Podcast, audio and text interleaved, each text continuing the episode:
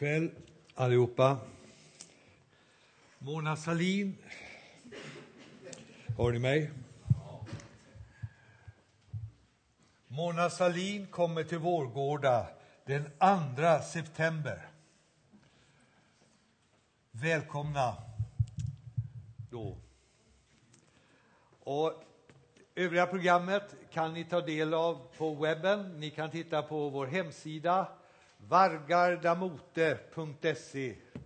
Vargardamote.se, det betyder Vårgårda möte. Just det. Så kolla där, ska ni väl se, det är många spännande gäster. Stefan Edman kommer dit, en framstående biolog och författare. Och han har lovat att jag ska få intervjua honom lite grann också om hans väg till tro och hur han ser på den kristna tron. Det är oerhört spännande med Stefan Edman eh, som kombinerar denna djupa kunskap, eh, eh, biologiska kunskap och denna varma tro. Och en kväll hoppas jag att vi får besök av, det, det är väldigt nära nu att han säger ja, jag hoppas han gör det, Mikael Bedrup. Han är son till Bengt Bedrup, legendarisk sportjournalist och han eh, blev en kristen på grund av att han på en motorcykelutställning snappade åt sig en gratis bibel som några kristna knuttar var där och hade lagt upp. Och så började han läsa och nu har han blivit präst. Och honom ska jag intervjua.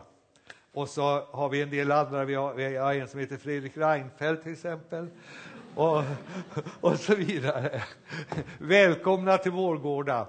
Det eh, finns stora parkeringsplatser, det är servering både före och efter. Vi är i en evenemangs och fotbollshall och där finns 2000 sittplatser. Kom i god tid så får ni sittplats.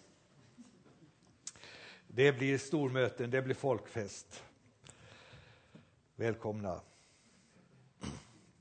Ja.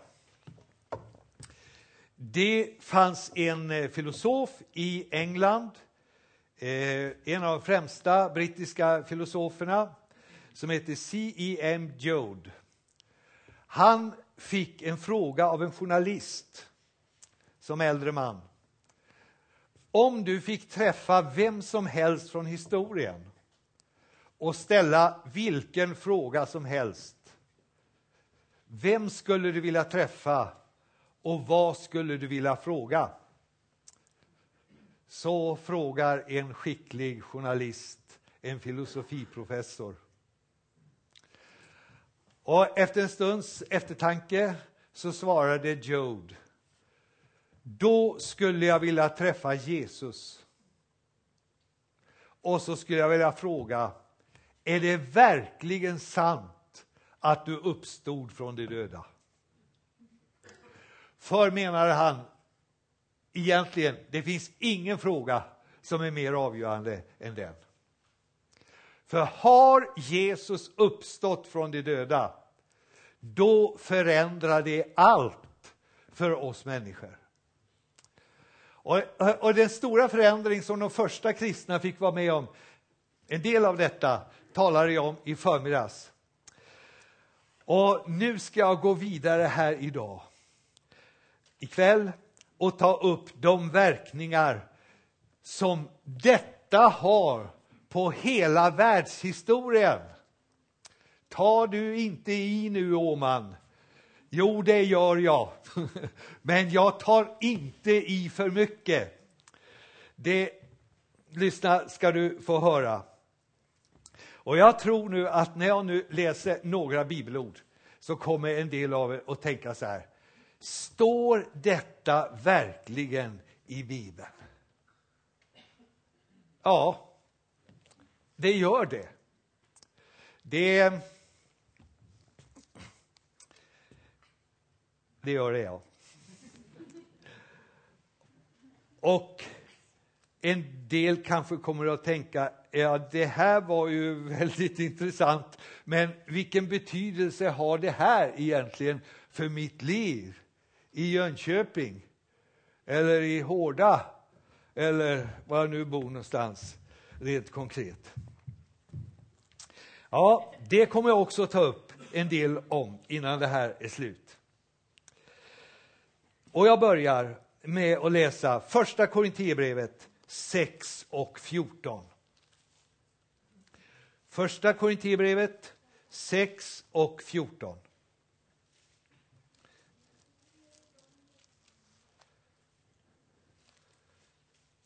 Där står det så här.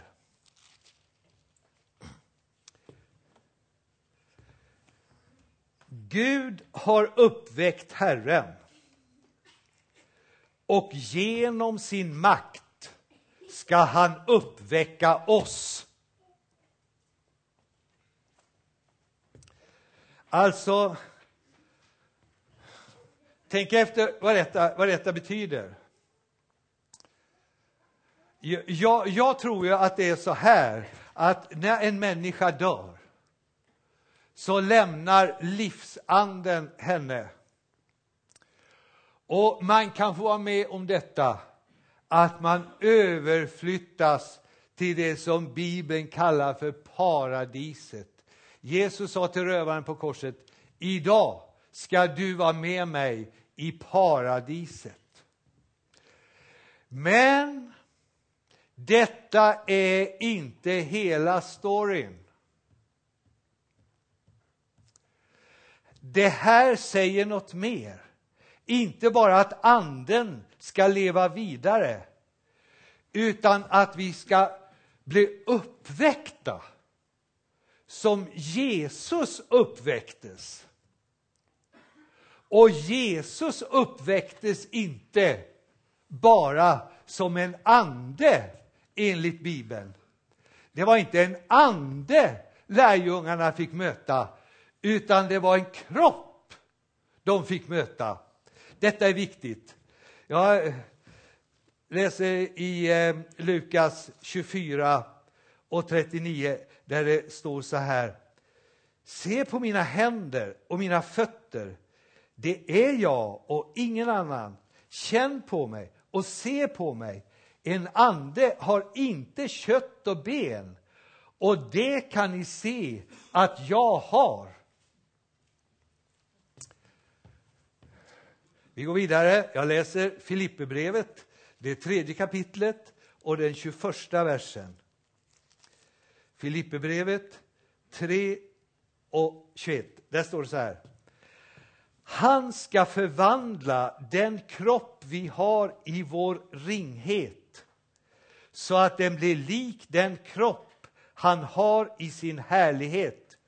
Ty han har kraft att lägga allt under sig. Alltså det här bibelordet är rena dynamiten.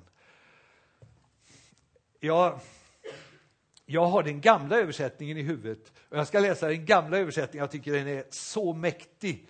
Och ibland har jag fått sitta tillsammans med döende människor och de ligger där bräckliga och svaga. Jag kommer ihåg dem hur de var när de var levande och starka och livskraftiga, engagerade och aktiva. Nu ligger de där och det är inte långt kvar. Och då brukar jag läsa för mig själv och ibland läser jag det högt. Han ska så förvandla vår förnedringskropp att den blir lik hans härlighetskropp genom den kraft varmed han och kan underlägga sig allt. Detta står i Bibeln.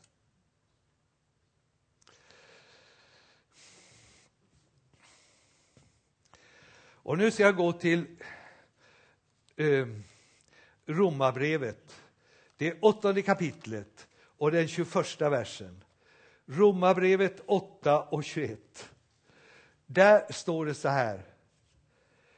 Skapelsen ska befrias ur sitt slaveri under förgängelsen och nå den frihet som Guds barn får när det förhärligas. Alltså förhärligas, det är ju ett ovanligt ord. Vem har använt det ordet den här veckan? Inte många. Vi använder det inte i dagligt tal. Vad betyder det? Ja, det betyder frihet från förgängelse, precis det vi var inne på nyss. Alltså vår kropp bryts ner. Alltså, jag var ju här i den här församlingen och hade möte för 30 år sedan. En del av er kommer ihåg det. Då var, hade jag svart hår, nästan svart hår. Och jag kan berätta för er att mina tänder var bättre på den tiden. Och min syn var bättre på den tiden. Och nästan allt var bättre på den tiden. Jag bryts ner. Så är det att vara människa. Och så är det med varenda en av oss. Vi lever under förgängelsen. Och så handlar detta om då, det jag läste om också nyss, att befrias ifrån detta. Att komma in i en ny fas, det är så häpnadsväckande som man undrar, kan detta verkligen vara, vara, vara sant? Men precis så står det i Bibeln. Och inte bara vi ska förändras, utan skapelsen ska befrias ur sitt slaveri.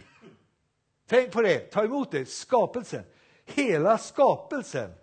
Det här var Jesus inne på och då använde han det här uttrycket, Matteus 19 och 28, världens återfödelse.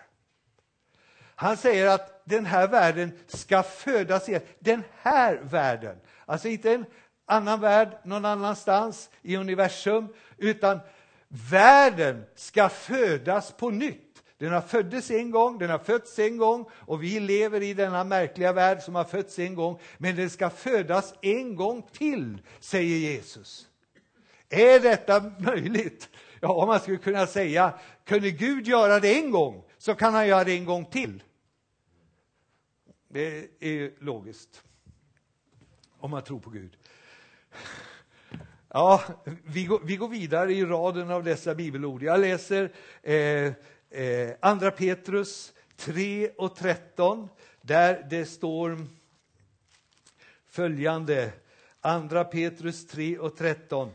Men efter hans löfte väntar vi på nya himlar och en ny jord där rättfärdighet bor. Och det betyder inte, jag har studerat detta lite närmare, en annan himmel och en annan jord, utan det betyder att himlen blir ny och jorden blir ny. Ja, den här jorden, ja, himlen, vad betyder det? Att den ska bli Det lämnar vi nu. Nu pratar vi koncentrera oss på den här jorden. Den ska bli ny. Och det ska bli en ny världsordning där rättfärdighet bor. Jaha, vad innebär det? Ja, det finns så mycket i Bibeln som, som talar om det här. Så jag ska bara läsa några saker här ytterligare. Jesaja 2 och 4, det är det här som står som ett bibelord på FN stora FN-huset i New York. Så här står det. De ska smida om sina svärd till plogbillar och sina spjut till vingårdsknivar.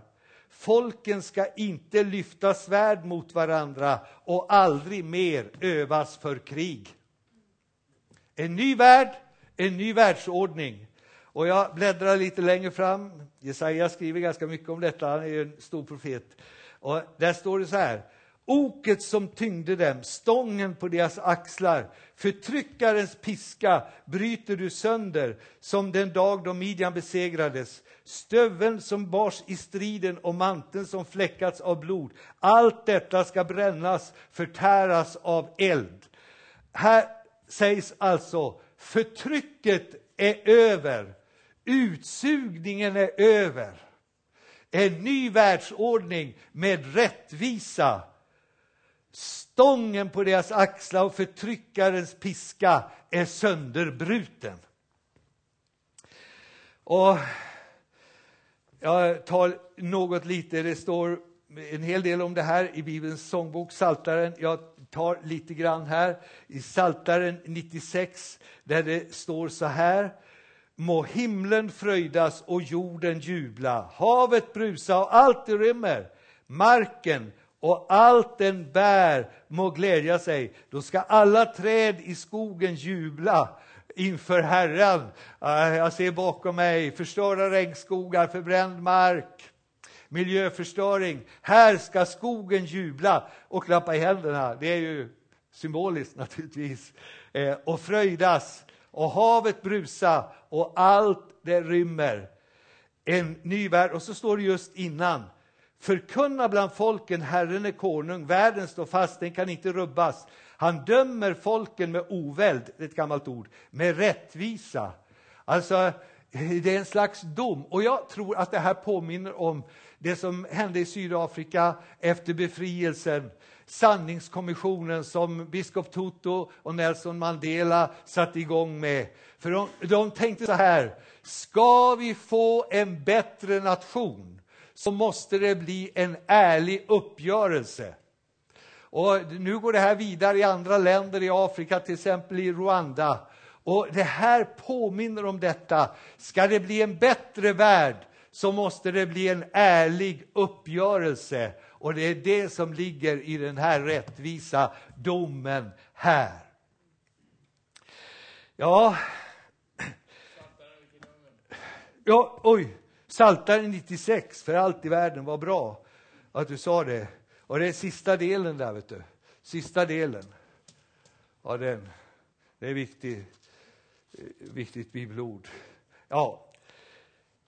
Det, mina vänner, som sägs i allt det jag har läst här är att den här världen ska inte sluta i kaos och undergång utan ska förändras och ska förvandlas och Guds ursprungliga avsikt med den här tillvaron kommer att förverkligas. Är detta möjligt? Ja, om Gud finns är det möjligt. Och jag skulle vilja säga, om Gud finns är det inte bara möjligt, utan det är troligt att det blir på det här sättet. Och Det här betyder alltså att bönen i Fader vår kommer enligt Bibeln att gå i uppfyllelse. Ske din vilja, så som i himmelen, så och på jorden. Och då är frågan så här, hur ska detta gå till? Det kommer jag in på nu. Och jag tänker på ett bibelord. Ja, jag, jag, jag, känner på mig att jag tar lite stora ord nu. För detta kan naturligtvis inte förklaras, men jag vill ge några antydningar här som jag tycker själv är väldigt spännande. Ett av de ord som används i Bibeln för Jesu återkomst, det betyder i grundtexten att dra en ridå åt sidan. Och jag tror, därför vill jag ta upp den tanken, att modern naturvetenskap faktiskt är något på spåren och någonting som kan vara oss till hjälp. Och jag ska försöka göra detta enkelt och begripligt. Ehm, Eh, eh, det finns något som kallas för strängteorin. En del av er har hört talas om detta. Att tillvarons allra, allra innersta, minsta, minsta, minsta, minsta del, om man nu kan kalla det så, är strängar eller vibrationer. Och inom denna teori så talar man om att tillvaron har ett antal dimensioner. En del säger att det är 11 dimensioner, en del säger att det är 16 dimensioner och en del säger att det kan finnas hur många dimensioner som helst. Och hur ska man förklara detta med dimensioner? Ja, om, ni om ni tänker så här att eh, eh, bredd och höjd, det är två dimensioner. Så den här saken här framme har två dimensioner. Den här bilden, två dimensioner, den har bredd och den har höjd. Men i verkligheten ser vi också djup. Det är en tredje dimension. Och så brukar man ibland tala om en fjärde dimension som genomväver allt och påverkar alla iakttagelser, nämligen tidens dimension.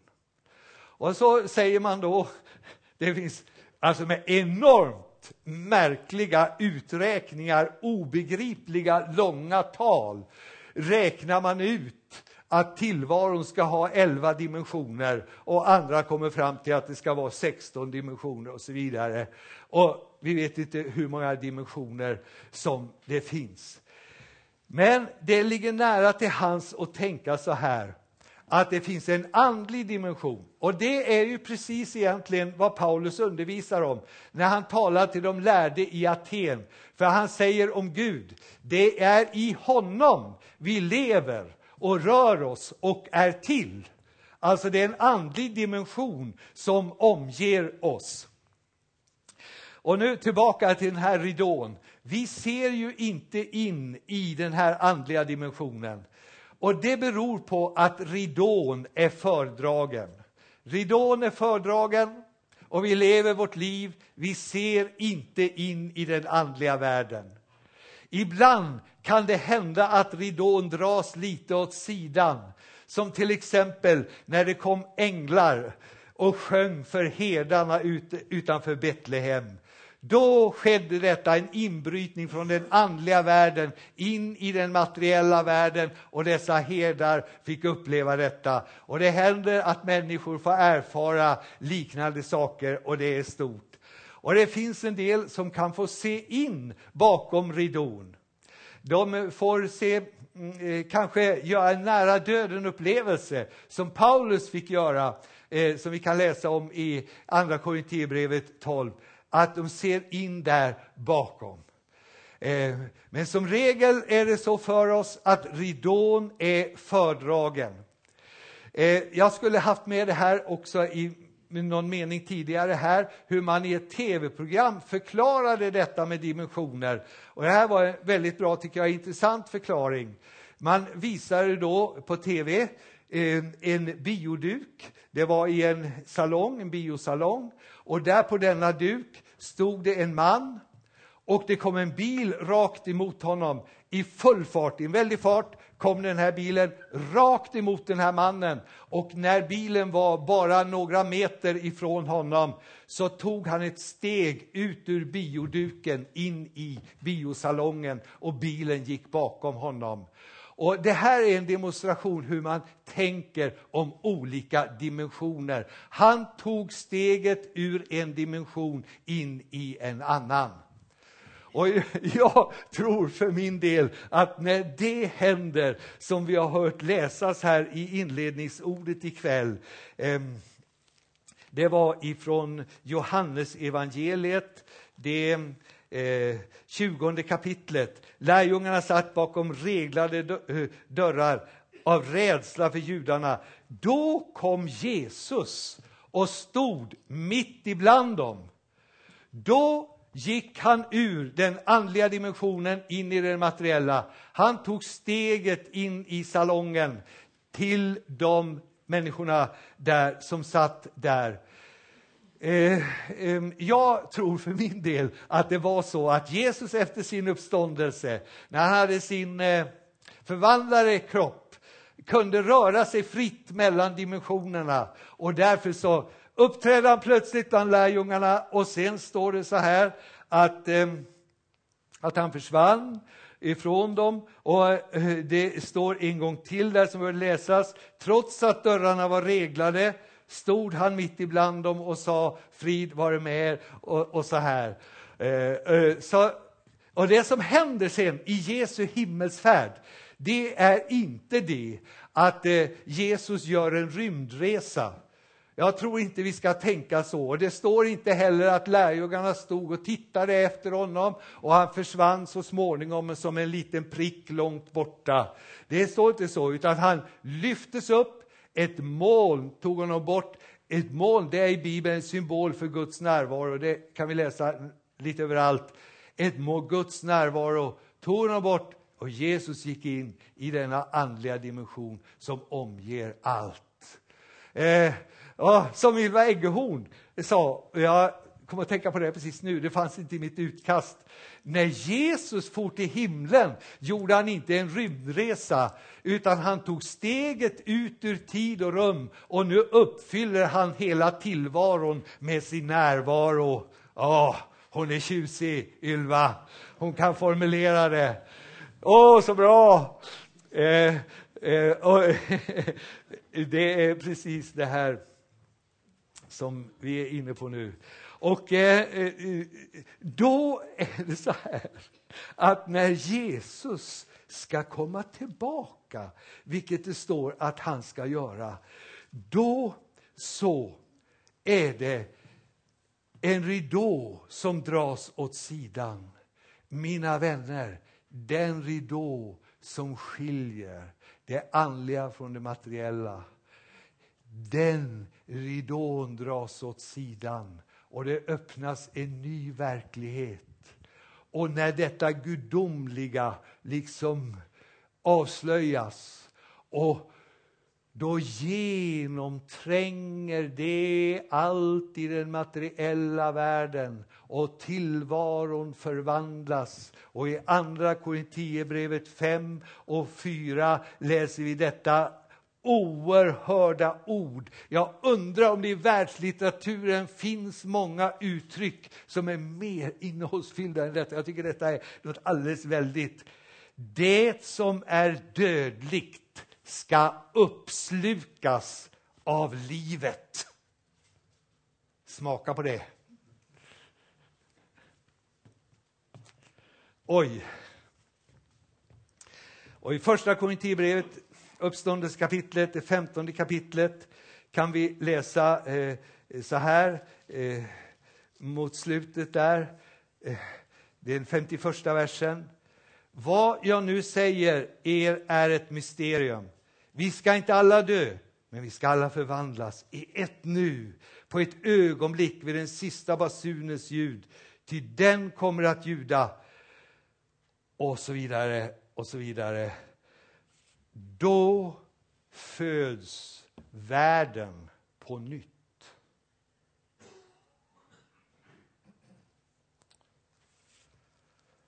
Och det är det här vi har i eh, Uppenbarelseboken som är själva Bibelns final.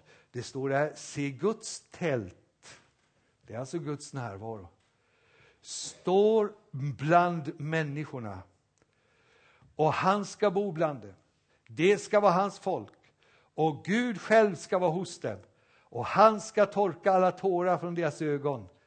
Döden ska inte finnas mer och ingen sorg och ingen klagan och ingen smärta ska finnas mer. Ty det som en gång var är borta och han som satt på tronen sa, se, jag gör allting nytt. När Jesus uppstår så är detta ett tecken på denna förvandlade tillvaro. Det är ingenting mindre än detta. Kristendomens höjdpunkt under Jesu besök här på jorden är ett tecken på en förvandlad värld. Och då är frågan, vad får det här för praktiska konsekvenser? Ja, mina vänner, målet för en kristen är inte att komma bort från den här världen. Utan målet är att Guds värld ska komma till oss. Låt ditt rike komma. Bönen är inte låt mig få komma till ditt rike, utan låt ditt rike komma hit. Och det betyder att vi som är kristna ska leva i detta rike redan här och nu. Vi ska förebåda detta rike av rättvisa, av rättfärdighet, av omsorg, av fred. Vi ska vara tecken på detta som en gång ska komma. Och när Paulus avslutar sitt fantastiska kapitel, första Korinthierbrevet 15, som handlar om uppståndelsen, så säger han inte så här. Och nu, med tanke på allt detta, låt oss drömma oss bort och till en bättre och annorlunda värld. Utan han säger så här, sista versen. Stå därför fasta och orubbliga och ge ut er helt i arbetet för Herren. Ni vet ju att han inte låter er möda vara förspilld. Ni vet ju att ni är på den segrande sidan, ungefär. Ja. Har jag höjt rösten lite grann här så beror det på att jag har varit lite inspirerad. Nu ska jag avsluta min predikan här och då ska jag göra det med att citera en gospel. Inte gospelsång, utan en gospelpredikan. Eh, gospelsånger brukar man citera ibland. Och det finns många härliga. Det här blir en gospelpredikan, ett litet utdrag. Ni märker på pappret att jag har gjort det förut. Eh, men den är slitstark, precis som de gamla gospelsångerna. Ja, det finns en, en förkunnare som jag måste säga tycker väldigt mycket om. Han heter Tony Campolo. Han är, han är så bra. Han är professor i sociologi. Och så är han pastor i en svart församling. Han är själv vit, men han är pastor i en svart församling. Och han berättar om hur roligt det är att predika där. För står man och segar som pastor och det inte är så lätt, då är det alltid någon tant som, som vinkar och säger Oh Jesus, help him. Jesus, hjälp honom. Och då brukar det gå bättre. Och, och, och, och, och då när man kommer igång så börjar de på och ropa i bänkarna Yes brother, preach, preach, go on preaching brother. Well, well. Och så, då är det roligt att predika, säger Tony Campolo. Och han berättar om min gudstjänst, det var en långfredag. Det var fem stycken som skulle predika och han var nummer fyra. Och han kände när han kom fram, det här går bra. Och folk börjar ropa Yes brother, yes, preach, go on, go on preaching brother. Amen. Och så satt de och ropade, han gick på och predikade. Och när predikan var slut så tänkte han när han gick, skulle gå och sätta sig, det blir inte lätt för den som kommer efter nu. Men efter honom kom en av de gamla farbröderna.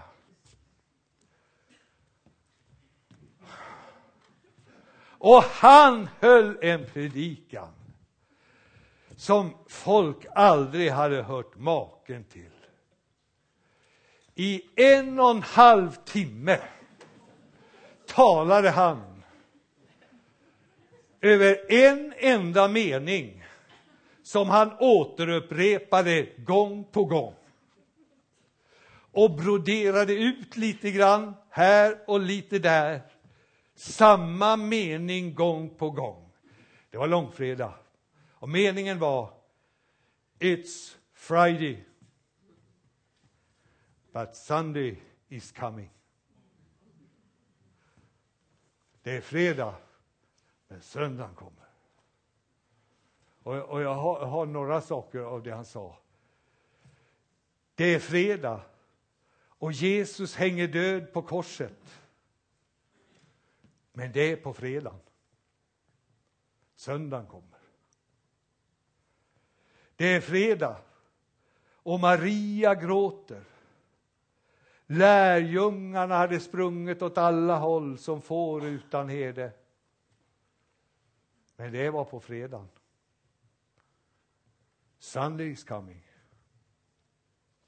Det var fredag och cynikerna såg på världen och sa som det varit så ska det bli. Du kan inte ändra på något i denna värld. Men cynikerna visste inte att det bara var fredag. Söndagen kommer. Det var fredag och på fredagen hölls de fattiga nere av krafter som inte ville ge med sig. Det var fredag och förtryckarna trodde att de hade koll på läget. Men det var på fredagen. Söndagen kommer. Det var fredag och på fredagen trodde Pilatus att han tvättat bort en massa svårigheter från sina händer.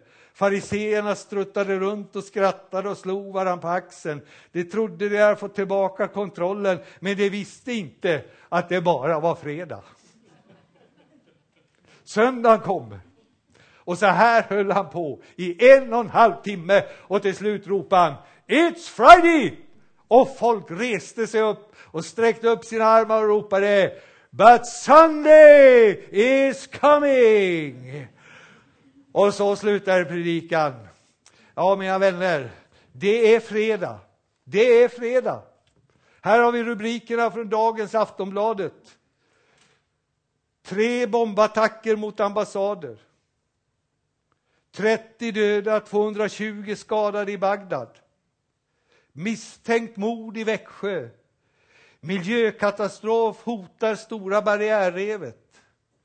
Ungdomar förgiftades på rejvfest. Parkeringsmordet. Det är fredag. Det tidningarna säger oss, det är, det är fredag. Men det Bibeln säger är söndagen kommer. Amen.